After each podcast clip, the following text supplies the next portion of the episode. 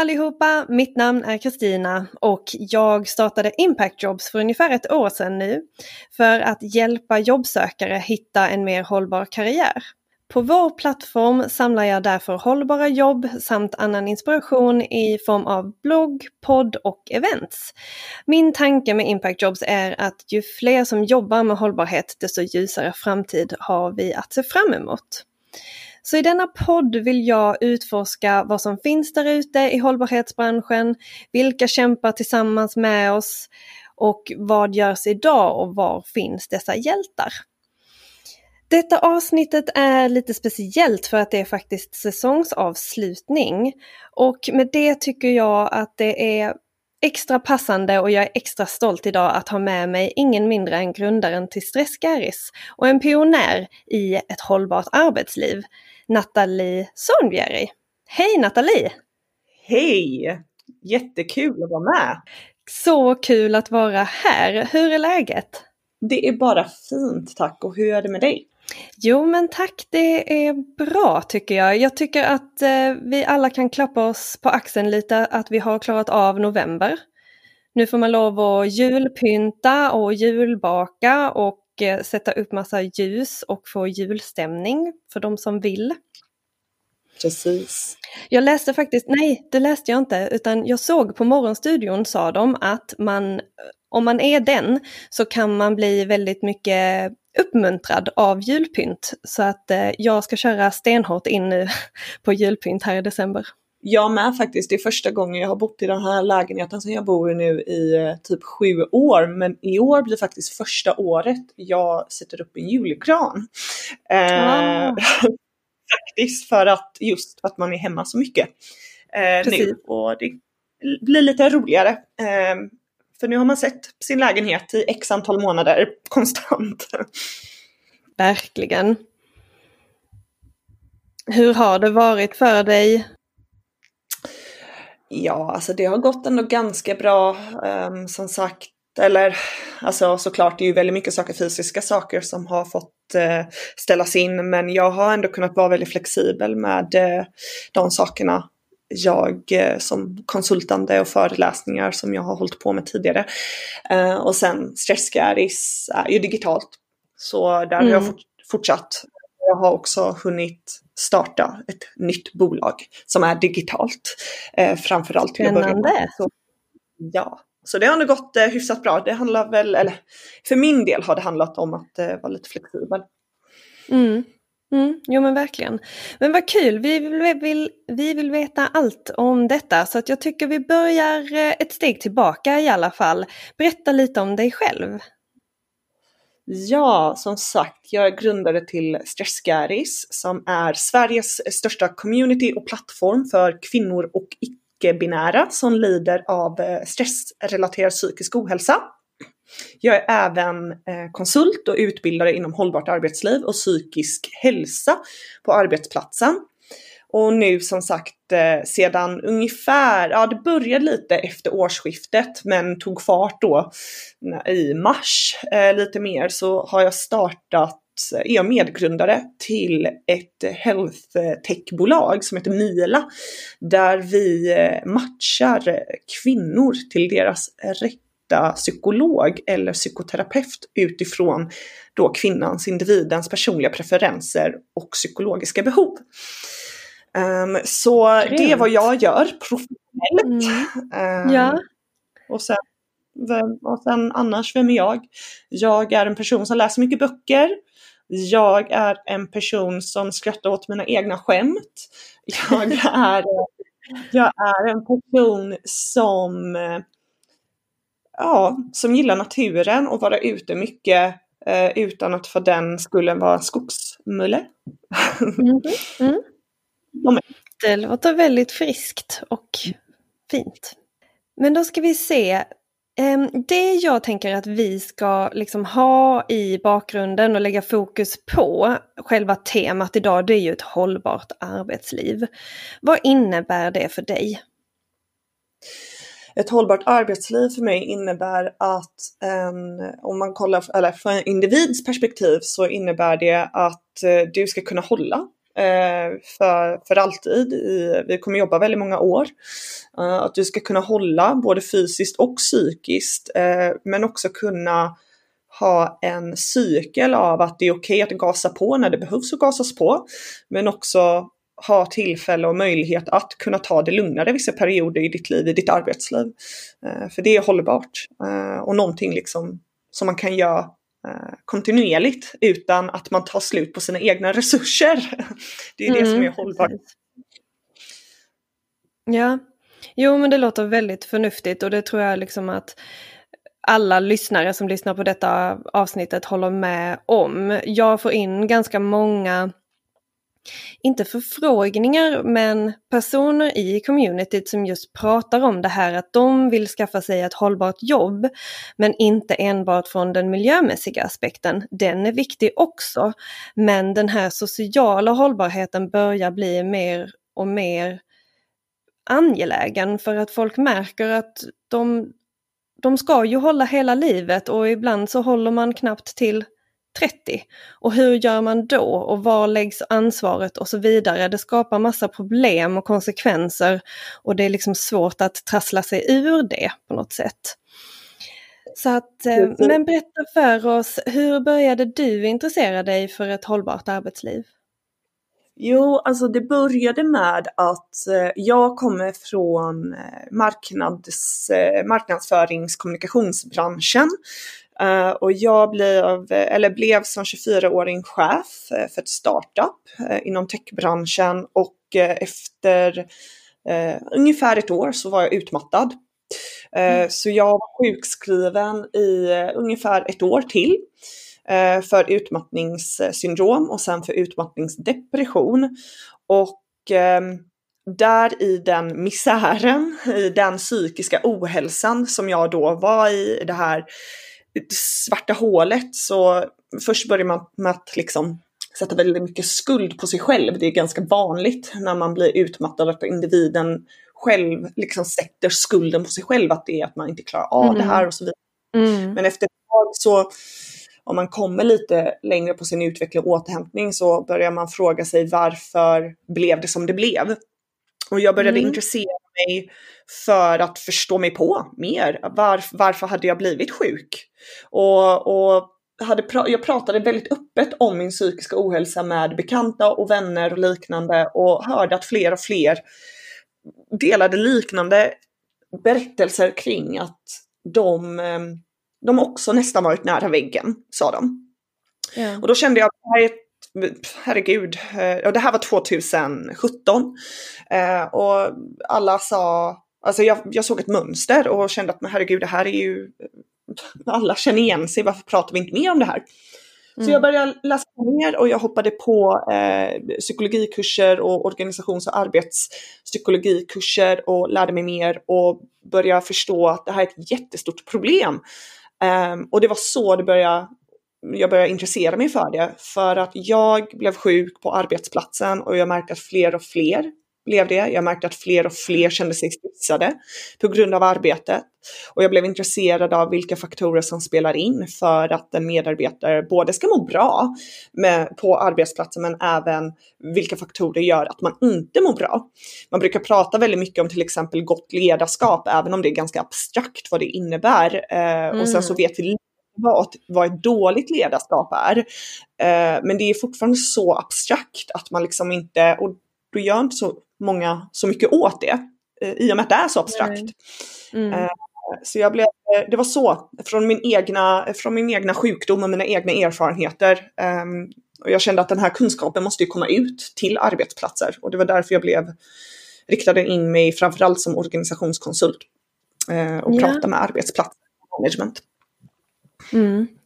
Ja, wow, alltså för att jag, det är ju verkligen som du känner, eller som du säger att jag känner också personligen fler och fler människor som inte, som inte ens har fyllt 30 som, som verkligen bränner ut sig, som jobbar alldeles för hårt, alldeles för snabbt och, och liksom springer in i, i väggen.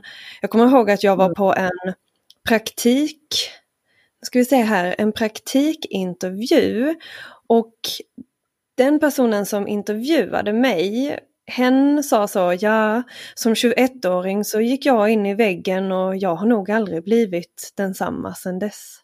Det är helt det ska liksom inte vara så. Eh, vi har mm. Stressgary, så vi ungefär 7000, eller vi är över 7000 medlemmar just nu och vi har ju gymnasieelever som har gått in i väggen. Eh, så det är väldigt viktigt också att poängtera att utmattning har definitivt inte enbart med arbetsplatsen att göra. Ehm, även om vi pratar om det mer och mer, du kan bli utmattad mm. av eh, väldigt mycket annat. Liksom. Eh, ja. Det, och det handlar inte om att du är svag. Nej, gud nej, gud, gud, gud nej. Det tänker jag många fastnar i det här, alltså att man nästan skäms, om, skäms för att prata om det för att man tror att det är ens eget fel och att man är svag mm. och inte stark nog. Det har ingenting med svaghet att göra om något har det med styrka att göra, att man har orkat pusha så hårt som man har gjort, att man kommer dit. Mm.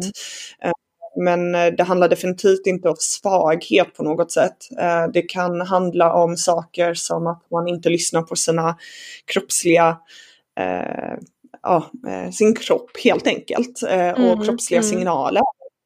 Är i kontakt med dem, en sån sak definitivt, men det har ingenting med svaghet att göra. Och ja, sen kan man ju jag tycker också det är så här, vad, vad är svagt och vad är starkt? Det är också en, så här, ja. en annan diskussion man kan ha. Ja, det påminner mig om en kommentar jag fick någon gång när jag hade sagt så här, jag uppskattar inte riktigt att jag blev behandlad på det här sättet. Och så fick jag tillbaka så, ah just det, jag glömde att du var så känslig. Och jag kunde bara känna så, fast var inte det ganska starkt av mig att jag ändå tog den här konflikten och gick till dig och berättade och försökte prata med dig om detta. Men ja, så var det. Det är inte lätt alltid. Nej, det är inte lätt och nej, man, tar man upp någonting så är man känslig och, eller, eller så är man för, för jobbig eller så är man något annat. Så det är liksom damned if you do, damned if you don't. ja, det är alltid något. Men berätta mer om Stressgaris. Jo, så som sagt Stressgaris är Sveriges största plattform och community för kvinnor och icke-binära eh, som lider av stressrelaterad psykisk ohälsa eh, av något slag. Så det kan vara liksom stressrelaterad eh, ångest, det kan vara utmattning, det kan vara att eh, du har gått igenom en utmattning och du är i återhämtningsfas, det kan vara PTSD eh, och, så lik eh, och liknande. Vi har en stor Facebookgrupp på över 7000 medlemmar som har en väldigt hög galet. Ja, och det, och det går jättebra. Det är en jättefin eh, grupp och kultur. Eh, vi har, eller jag har byggt upp hela gruppen från början med tre kärnvärden, vilket är sharing is caring, kunskap är makt och ensam är inte starkast. Mm. Um, och det är en väldigt fin kultur av att folk som hjälper varandra där och peppar varandra när det är svårt och eh, pratar om allting från eh, jag behöver praktiska råd kring hur jag ska ta det här med Försäkringskassan till eh, jag har precis gått in i väggen, vad, vad fan är det som händer? Eh, till whatever. Um, jag sta startade faktiskt stress stressgaris när jag själv var utmattad. Och mm. hade egentligen ingen vision med det. Uh, utan uh, jag var väldigt, som sagt, väldigt öppen med min egna psykiska ohälsa och stressen och, och liksom, uh, utmattningen på mina sociala medier som Instagram och då hade jag en följare som sa att men du får ungefär samma frågor eller liknande frågor hela tiden. Vad sägs om att liksom bara starta någon, något forum, någon grupp där du ja, där alla kan ta del av dina svar och att de finns där. Och sagt och gjort så gjorde jag det. Och jag tänkte att det blir väl, det blir väl 100 pers eller någonting. Ja. Bekanta och vänner.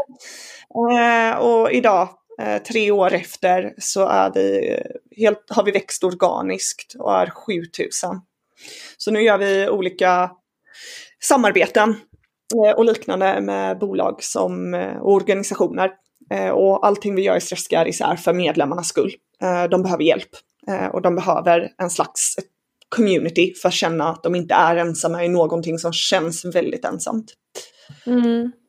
Och där drar jag ju lite parallellen till Impact Jobs just för att jag kunde känna att när jag var jobbsökare så har jag aldrig känt mig så ensam någonsin. Och det var därför jag ville starta Impact Jobs som ett, och just försöka göra det som ett community. Så att inte man ska behöva känna sig ensam någonsin hade ju varit eh, optimalt. För att det är sån, det är sån otroligt stark utlämnande känsla att vara ensam. Ja, gud ja. Definitivt och speciellt om du går igenom oberoende vilken psykisk ohälsa det är. Mm. Uh, nu är ju fokuserade på stressrelaterad psykisk ohälsa uh, och utmattning som är en väldigt ny diagnos. Det var bara nu 2020 som World Health Organization faktiskt um, accepterade bur så clinical burnout som en mm. diagnos. Uh, så liksom globalt är det en väldigt ny grej. Nu har, I Sverige har vi haft en lite en, en längre period, några år. Men det är någonting mm. som liksom läkare fortfarande inte liksom så här, ah, utmattning, vad är det? Eh, och då är det mm. ju då är det ju jättesvårt för en individ själv att ta sig själv på, ans eller på, på allvar eh, om man blir utmattad eller håller på att bli utmattad. Eh, och, och, då är det därför väldigt viktigt att eh, ha ett community eller forum eller whatever där man kan lära sig eh, mer om det, varvid ett av våra kärnvärden då, kunskap är makt. Mm. Eh, så man kan lära sig mer och göra de förändringar eh, som behövs eller be om få den hjälp som behövs eller vad det nu kan vara. Ja men verkligen, alltså för att jag tänker också att om man kan, ju mer man förstår av sin egen upplevelse, desto mer kanske, desto mindre skrämmande blir det kanske.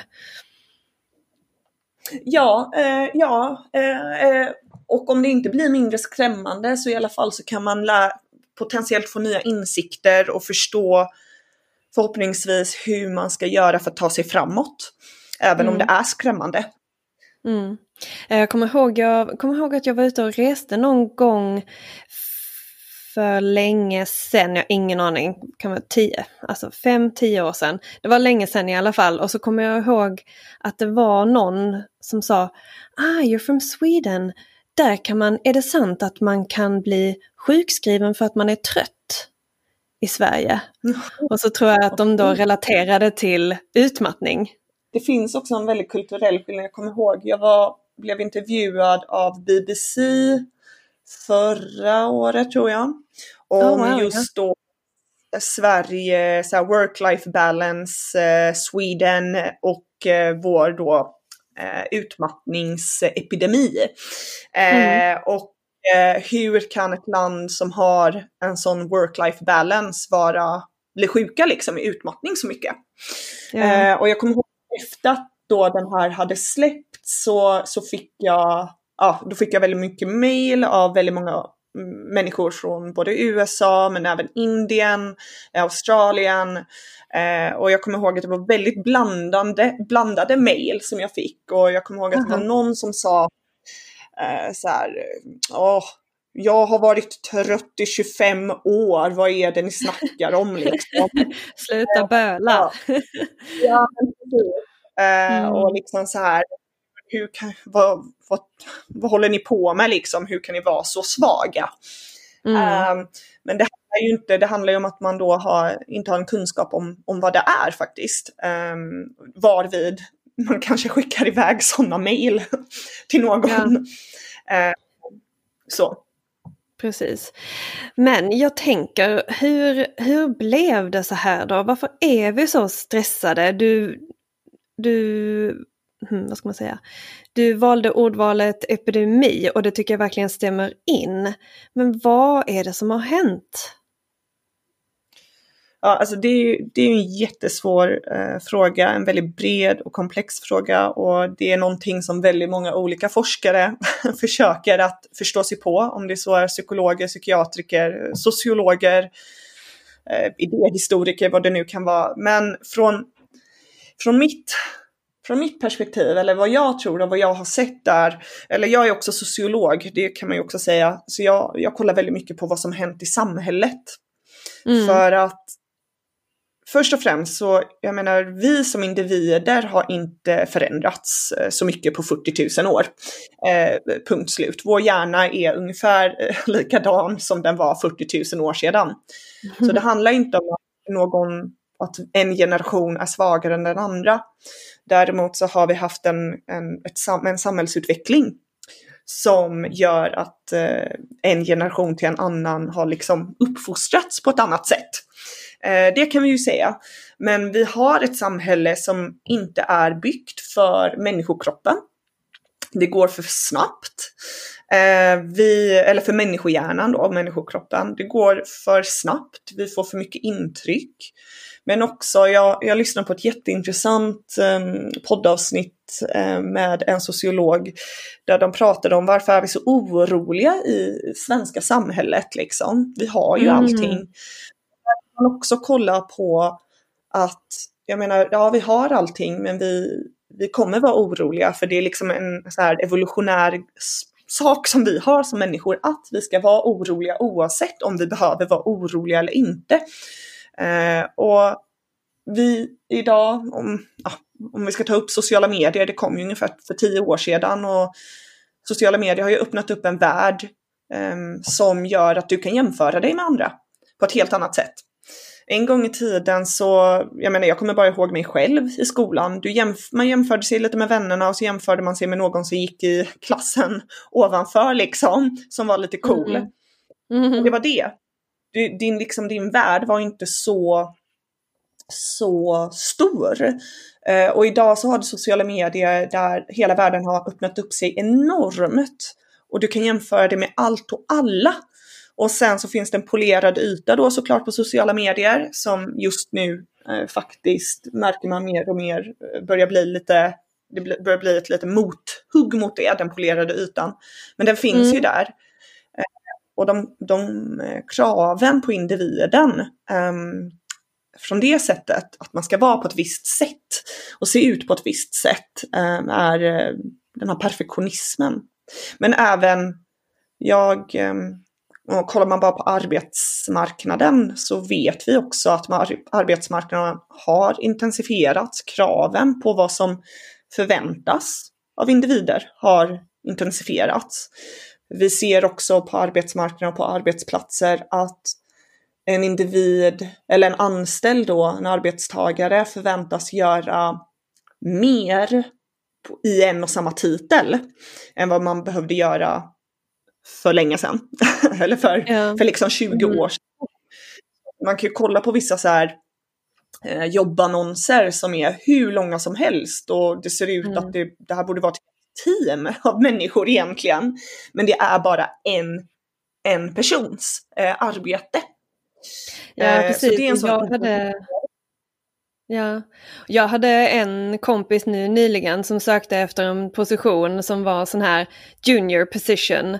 Och när hon kom till mm. arbetsintervjun hon bara, varför har ni nämnt en junior position? För att detta är precis vad jag gör och jag har liksom ja, fem års erfarenhet. Det är liksom inte en mm. junior position.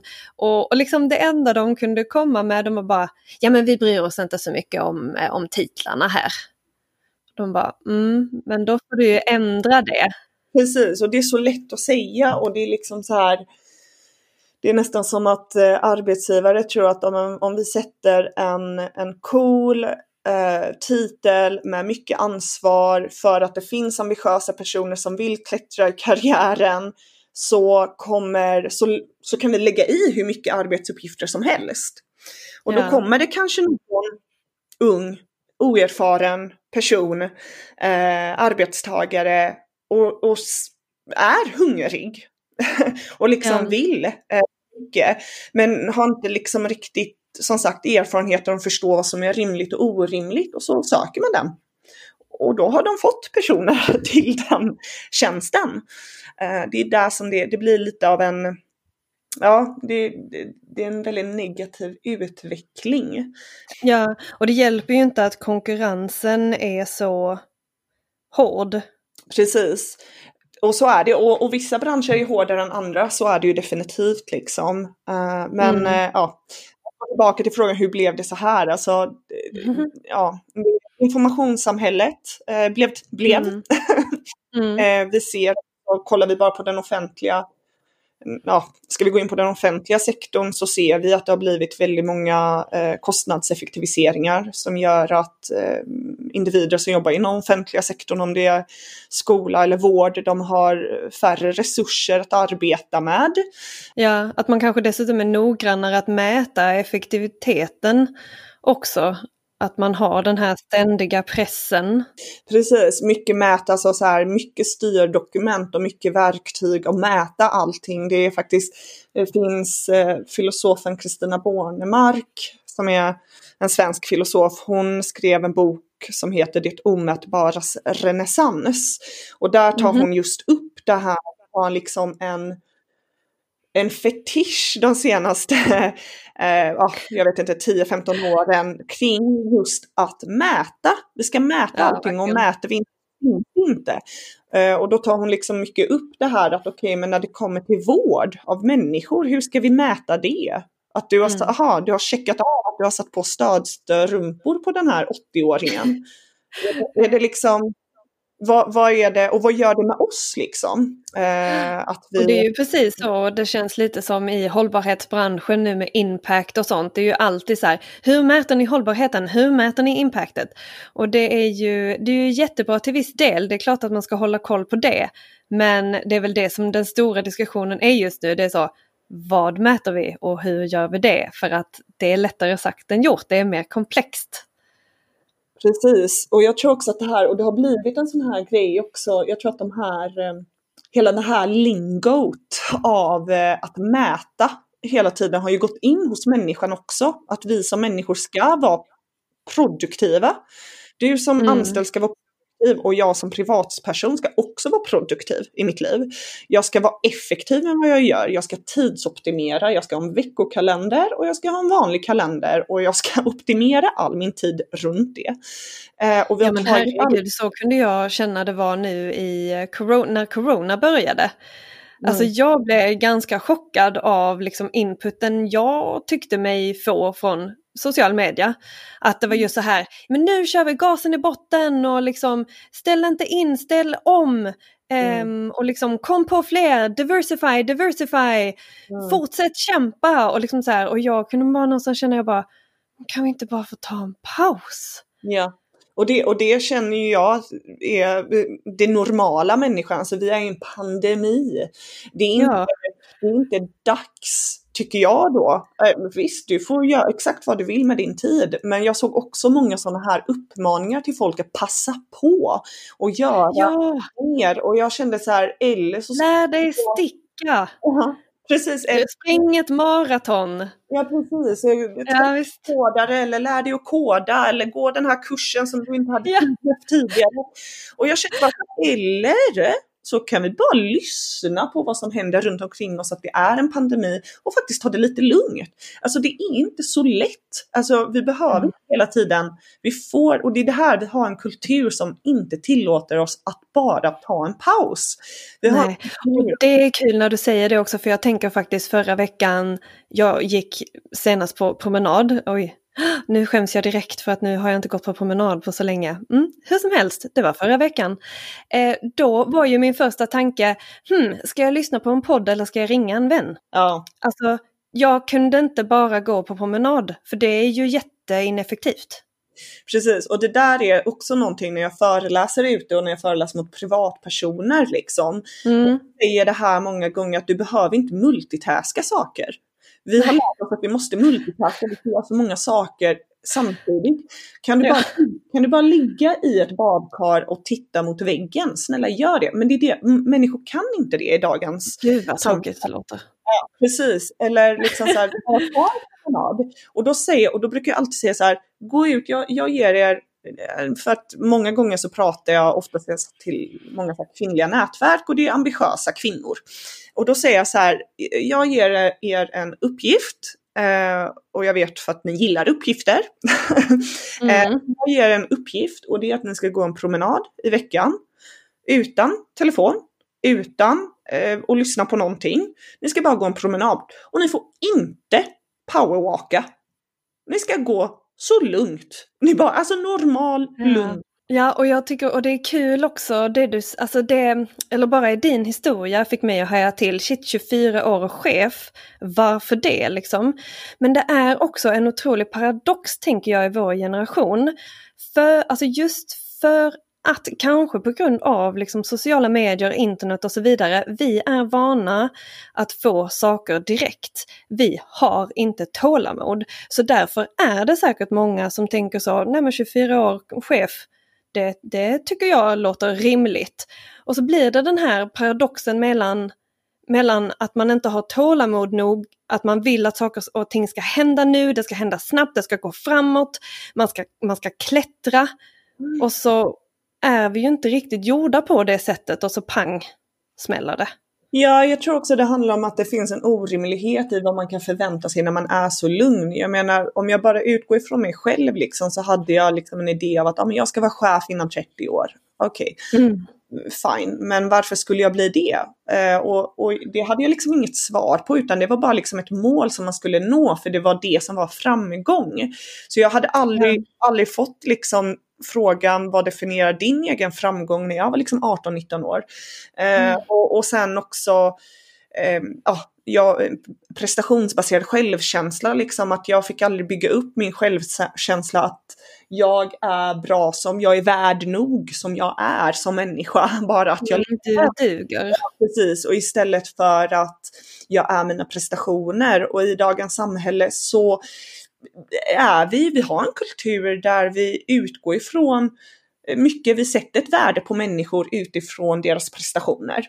Mm. Eh, ja men vad härligt, låt oss omdefiniera framgång och faktiskt se, ja men precis, vad var det du sa, att du är inte dina prestationer. Du har ju en hel personlighet bakom dina prestationer. Precis, och det, och det, det är inte många som eh, kan tänka så och jag kunde definitivt inte tänka så efter när jag började gå i terapi eh, under min utmattning. Eh, jag kommer ihåg att jag fick en hemläxa, eller ja, hemläxa, en, en liten hemuppgift eh, och liksom tänka på från, från min psykolog då. Och då var det så här, vem är Nathalie eh, om hon inte har sina prestationer? Och det, det var jättesvårt. Eh, det släppte, det tog lång tid för mig att släppa tills jag började skriva upp eh, massa egenskaper. Eh, började där. Mm. Och att jag liksom, ja, jag skrattade åt mina egna skämt. Och liksom börja, börja liksom hitta lite mer och forma mig själv utan alla dessa prestationer och vad jag har byggt och vad jag har pluggat och vilken titel jag har och eh, vilka mål jag har nått och vilka listor jag har varit på och så vidare och så vidare. Mm. Det bara är, um, ja, idag har jag lärt mig att det är sekundärt, uh, men så var yeah. det inte tidigare. Uh. Nej, men det är en fin tanke och det, um, det är lite kul för att jag var nyligen på ett webbinarium om hur man eh, så här sticker ut med sitt CV, hur man optimerar sitt CV.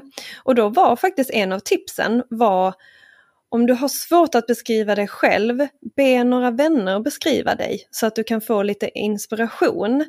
Och jag mm. tyckte bara det var ganska så här vågat tips av en äldre dam som ändå tyckte att så, det är klart du ska be dina vänner mm. om, om inspiration om hur det var. Och jag tyckte det var en himla fin grej för att jag tror att många behöver höra vad ens nära vänner har att säga om en. Det tror jag definitivt. Eh, det mm. tror jag definitivt. Det är jättebra tips. Mm. Men jag tänker så här. Att folk är stressade, det är ju ingen nyhet. Jag läste en bok att det hade stått i någon sån här läkarjournal för hundra år sedan. Nej, 120 år sedan, för det var på 1900-talet. Så stod det om så här, stress och att det var farligt för att det kunde eh, ta kroppsliga konsekvenser och så vidare. Mm. Varför har inte mer gjorts? Ja, det är en jättebra fråga och det är väl det jag ställer mig också. Jag tror att det handlar om att det är, eh, det är ett långsiktigt arbete som kortsiktigt, eh, vi är så fokuserade kortsiktigt med kortsiktiga mål. Att mm. eh, det är det är för långsiktigt och det tar för lång tid och det tar för, man måste liksom verkligen det handlar inte om att man sätter bara ett plåster på saker och ting. Om vi pratar på en arbetsplats till exempel, det handlar inte om att du bara sätter en, eh, 30 minuters yoga på fredagar. Utan du måste jobba med strukturerna, du jobb, måste jobba med ledarskapet, du måste jobba med kulturen, du måste mm. Och jag tror också det handlar om en okunskap. Eh, att man liksom inte och att man har liksom vänt lite, man säger, jag kommer ihåg att jag var på, jag hade en stor föreläsning och det var liksom ungefär, ja, på företaget var det liksom någonstans mellan 500 till 700 medarbetare. Och, och då var det någon kommentar av någon chef som sa eh, ja men vi, vi har bara haft typ 12 fall av utmattning. Och jag var så här, 12, 12 livstrauman. Är, mm. Det är 12 livstrauman. Och varje individ kommer aldrig vara densamma igen. Nej. Eh, det är vad utmattning är och där visar det på en okunskap och en oförståelse.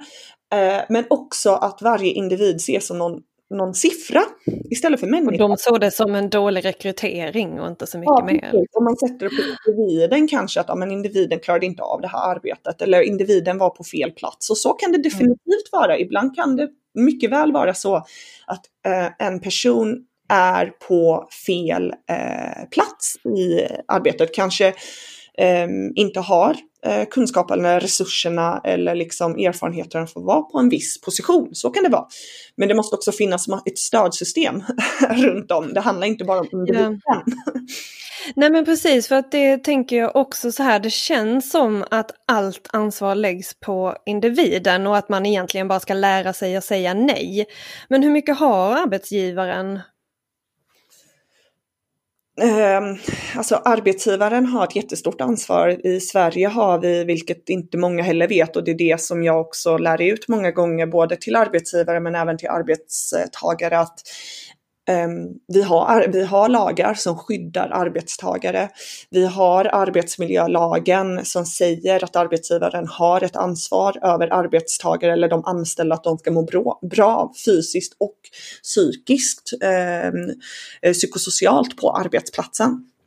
Mm. Eh, och, och, och, det är liksom så här, och jag brukar säga att eh, självklart har individen ett ansvar över sitt egna liv. Eh, definitivt ingen som säger något annat. Eh, däremot så är vi varelser, vi är eh, personer, vi är flockdjur och vi eh, följer strömmen. Vi pratar mycket om företagskultur för att alla ska liksom hänga med och göra samma sak och liksom samma värdering eller värde, värdegrund och så vidare och så vidare.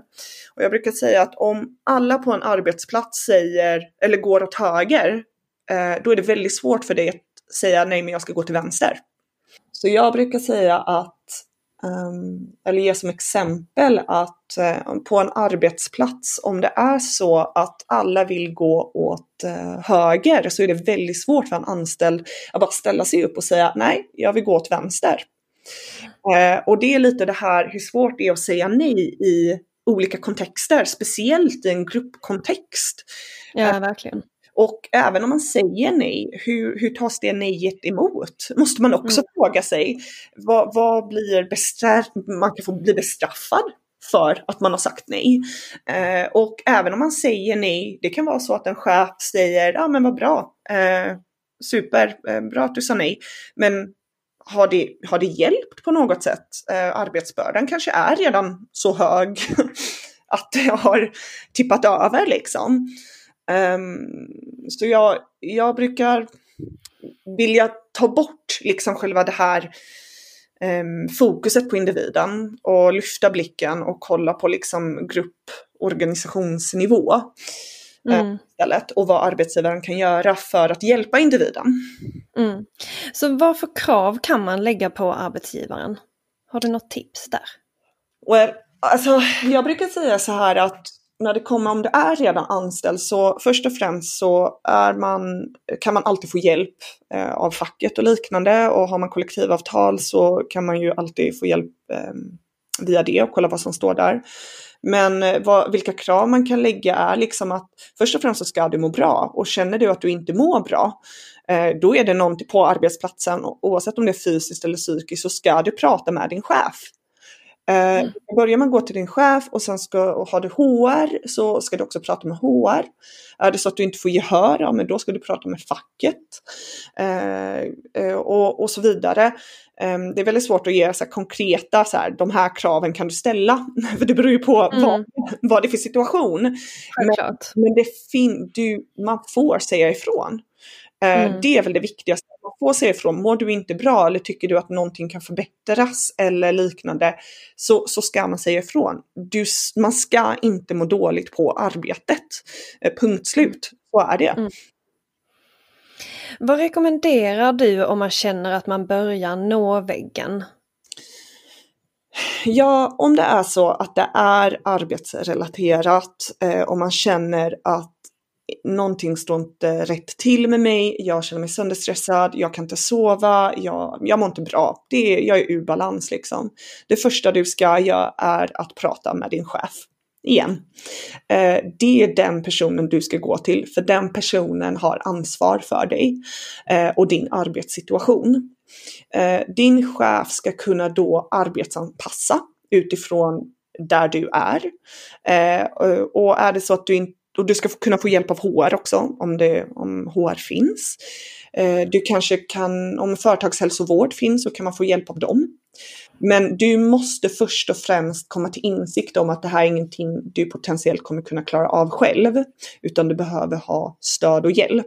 Och är det arbetsrelaterat, att du mår dåligt, då ska du prata med din chef som har ansvar och mandat att göra de förändringar som behövs. Så det är väldigt viktigt. Och sen, och sen så kan man be om hjälp från sina kollegor också eh, som stöd. Eh, väldigt eh, bra att se och höra eh, från, från deras perspektiv också och få stöd därifrån. Eh, de kanske känner samma sak och då kan det vara väldigt mycket skönare att gå som en grupp till sin chef. Mm. Än att gå mm. Ja men precis och jag tycker, jag tycker det är bra poänger just det här att detta är ingenting du måste klara av själv. Be om hjälp för att det finns hjälp att få. Precis, och, och, och inte bara, alltså de har en skyldighet att hjälpa dig. Det är väldigt mm. viktigt. Det, du ska få hjälp. Ja, precis. Men jag tänker på tal om kunskap är makt, mm. så hade du en liten en stresskurs också, eller hur? Just det, ja. Jag har en digital stresskurs om, som heter Allt du behöver veta om stress.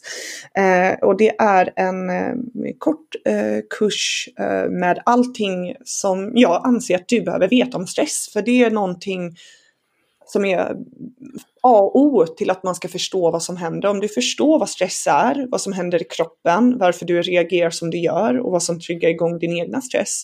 Men också förstå att stress i sig är inte farligt utan det är bristen på återhämtning som är farligt. Eh, då kan du göra därefter de förändringar, potentiellt de förändringar som behövs för att man själv ska må bättre. Så det här är en mm. kurs, eh, oavsett om man är privatperson eller man vill ha det som stöd eh, för, i sitt arbete eller liknande. Mm. Nej, men för jag tycker det är så himla genialt med en sån här liten onlinekurs som, som ger en denna kunskapen för att jag kan, kan verkligen relatera till så här, jag börjar märka att jag är inte alls stresstålig. Mm. Men vad gör jag åt det? Ja, men, alltså jag pallar inte googla för det finns så himla mycket information och hur ska jag sålla igenom det? Alltså jag behöver verkligen precis en sån här kurs som är liksom ge mig den i handen och tvinga mig att titta på den så här. För, att, eh, för det är liksom precis det jag behöver och tror många andra eh, känner liknande. Så att det är helt genialt. Vi tackar för den och vi länkar till den här i avsnittet. Kul, tack så mycket. Ja. Och eh, ska vi avsluta med någon, eh, någon poäng om ditt, eh, ditt nystartade? Hur går det där? Ja, jo, eh, det går väldigt bra faktiskt. Vi, ehm, som sagt, vi heter Mila och det vi gör är, är att vi specialiserar oss på kvinnors ehm, mentala hälsa. Där vi utgår ifrån eh, forskning som säger att det absolut viktigaste för terapi ska vara, ge resultat är den relation man har mellan psykologen och klienten. Vilket betyder att vi matchar kvinnor, eh, individer till deras, vad vi säger, best fit eh, psykolog eller psykoterapeut utifrån individens eh, preferenser och eh, behov. Eh, och det har gått jättebra. Vi har över 45 stycken psykologer i vårt nätverk redan och matchar för fullt. Så att Härligt. individer som har Ja, så att individer som har sökt efter hjälp och liksom tragglat sig igenom Google-sökningar och liksom försökt att hitta en egen psykolog, vi gör jobbet åt dem. Um, det de... är jättefint för det tror jag också är en stor tillgång att ha just att, att man väl kanske har kommit fram till att man behöver hjälpen men så tänker man så, ja, men jag har ingen aning om hur jag går vidare nu. Och, och, och, precis, och så är det oftast och så ställer man sig kanske på någon kö liksom på vårdcentralen ja. eh, och står i flera månader. Eh, och sen så kanske man säger, men jag testar lite privat, ja men vart börjar man då? Eh, ja. Så där är vi och vi hjälper, vi är mellanhanden mellan då psykologer och psykoterapeuter med individer. Så himla bra! Jag visste inte ens att det var så viktigt men nu när du säger det så är det ju så självklart för att jag tror att tror att jag kommer ihåg en gång jag hade terapi och liksom det funkade inte jättemycket, jag fick inte jättemycket ut, för det, ut av det. Och det kan jag verkligen känna om någon hade frågat mig, nej men varför inte? Mm. Och då var det nog så, nej vi, jag connectar nog inte med terapeuten. Och det är jättevanligt att folk säger så. Det är jätte, jättevanligt. Och den Jätteintressant. Ja, och den psykologiska forskningen, det är vedertaget att det absolut viktigaste är hur bra du klickar med din psykolog för att det ska funka och ge resultat för dig som individ. Men ändå har vi inte ett system som bygger på det. Så nu vill vi eh, kunna erbjuda det här, eh, den vägen. Mm. Ja, det är jättekul. Då tänker jag, har du några sista funderingar, shoutouts, något som du känner du vill få med? Jag vill bara säga igen, kunskap är makt. Läs på. Eh, det finns väldigt mycket att läsa på om. Eh, och ju mer man vet, eh, desto större makt har man. Och, ehm, och är det så att man mår dåligt på arbetet, jag vill bara säga det, att det är väldigt, väldigt, väldigt viktigt att förstå att du är inte i vägen. Du har en rätt rättighet, en lagstadgad rättighet att få hjälp. Eh, och att eh, vara eh, sönderstressad är liksom inte ett personligt misslyckande. Det är, ett, eh, det är samhällets eh, misslyckande. Mm. Tusen tack Nathalie för ditt deltagande i, denna, i detta avsnitt. Tack så mycket för att jag fick vara med. Superkul att ha dig med. Jag ska runda av lite för att i varje podd så brukar jag även tipsa om ett företag som jag tycker sköter hållbarhet på ett väldigt bra sätt och samt om de har några lediga jobb. Så denna gången så har jag kommit över Hedvig. De är ett försäkringsbolag som vill ändra själva affärsmodellen i affärsbolag. De skriver så här. Hedvig är en ny approach till försäkringar. Det handlar om frihet och att du ska kunna vara okej okay med ditt liv, vad som än händer. Vi hjälper dig att gå vidare när verkligheten inte blir som planerad. Vi har designat en försäkringsupplevelse som utgår från hur människor faktiskt vill få hjälp. Vi har skrivit om försäkringsvillkoren så att det går att förstå och, att vi, och vi har omdefinierat hur ett försäkringsbolag tjänar pengar. För att det var kul, jag kommer inte ihåg i vilken kanal jag såg det, men de hade en historia om en kund då som hade ringt in och frågat om ersättning och då var hans historia denna som de fick lov att dela då. Att eh, det var lunchtid, han skulle ta sina vanliga vitaminer som han hade lagt på sitt skrivbord.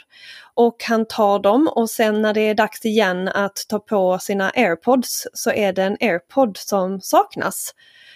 Och han inser ganska snart att han har lyckats svälja en av sina airpods. Nu brukar självrisken inte eh, täcka det eh, för att det är liksom en, en viss summa. Men Hedvig tyckte att det var en så pass bra historia att det är klart att han fick ersättning för sina iPhones, nej, iPods. Så att det tyckte jag var en rolig historia och en beskrivande historia om vem Hedvig är. Så kolla in dem och jag kan kolla på deras jobbsida. Just nu har de ett par lediga tjänster i Stockholm. I creative-teamet har de, eh, har de motion designer och product design lead. De har även finance intern och även tech recruiter. Och det fortsätter till och med med CRM automation specialist och backend developer och senior web developer. Så att eh, där fanns det massa att välja på. Så tyckte ni att det lät fint så länkar vi i avsnittet. Sist men inte minst vill jag göra lite reklam för Impact Jobs för att vi är fullt upp i att utveckla våra, vår verksamhet och den 9 december så bjuder vi in till ett digitalt community meetup.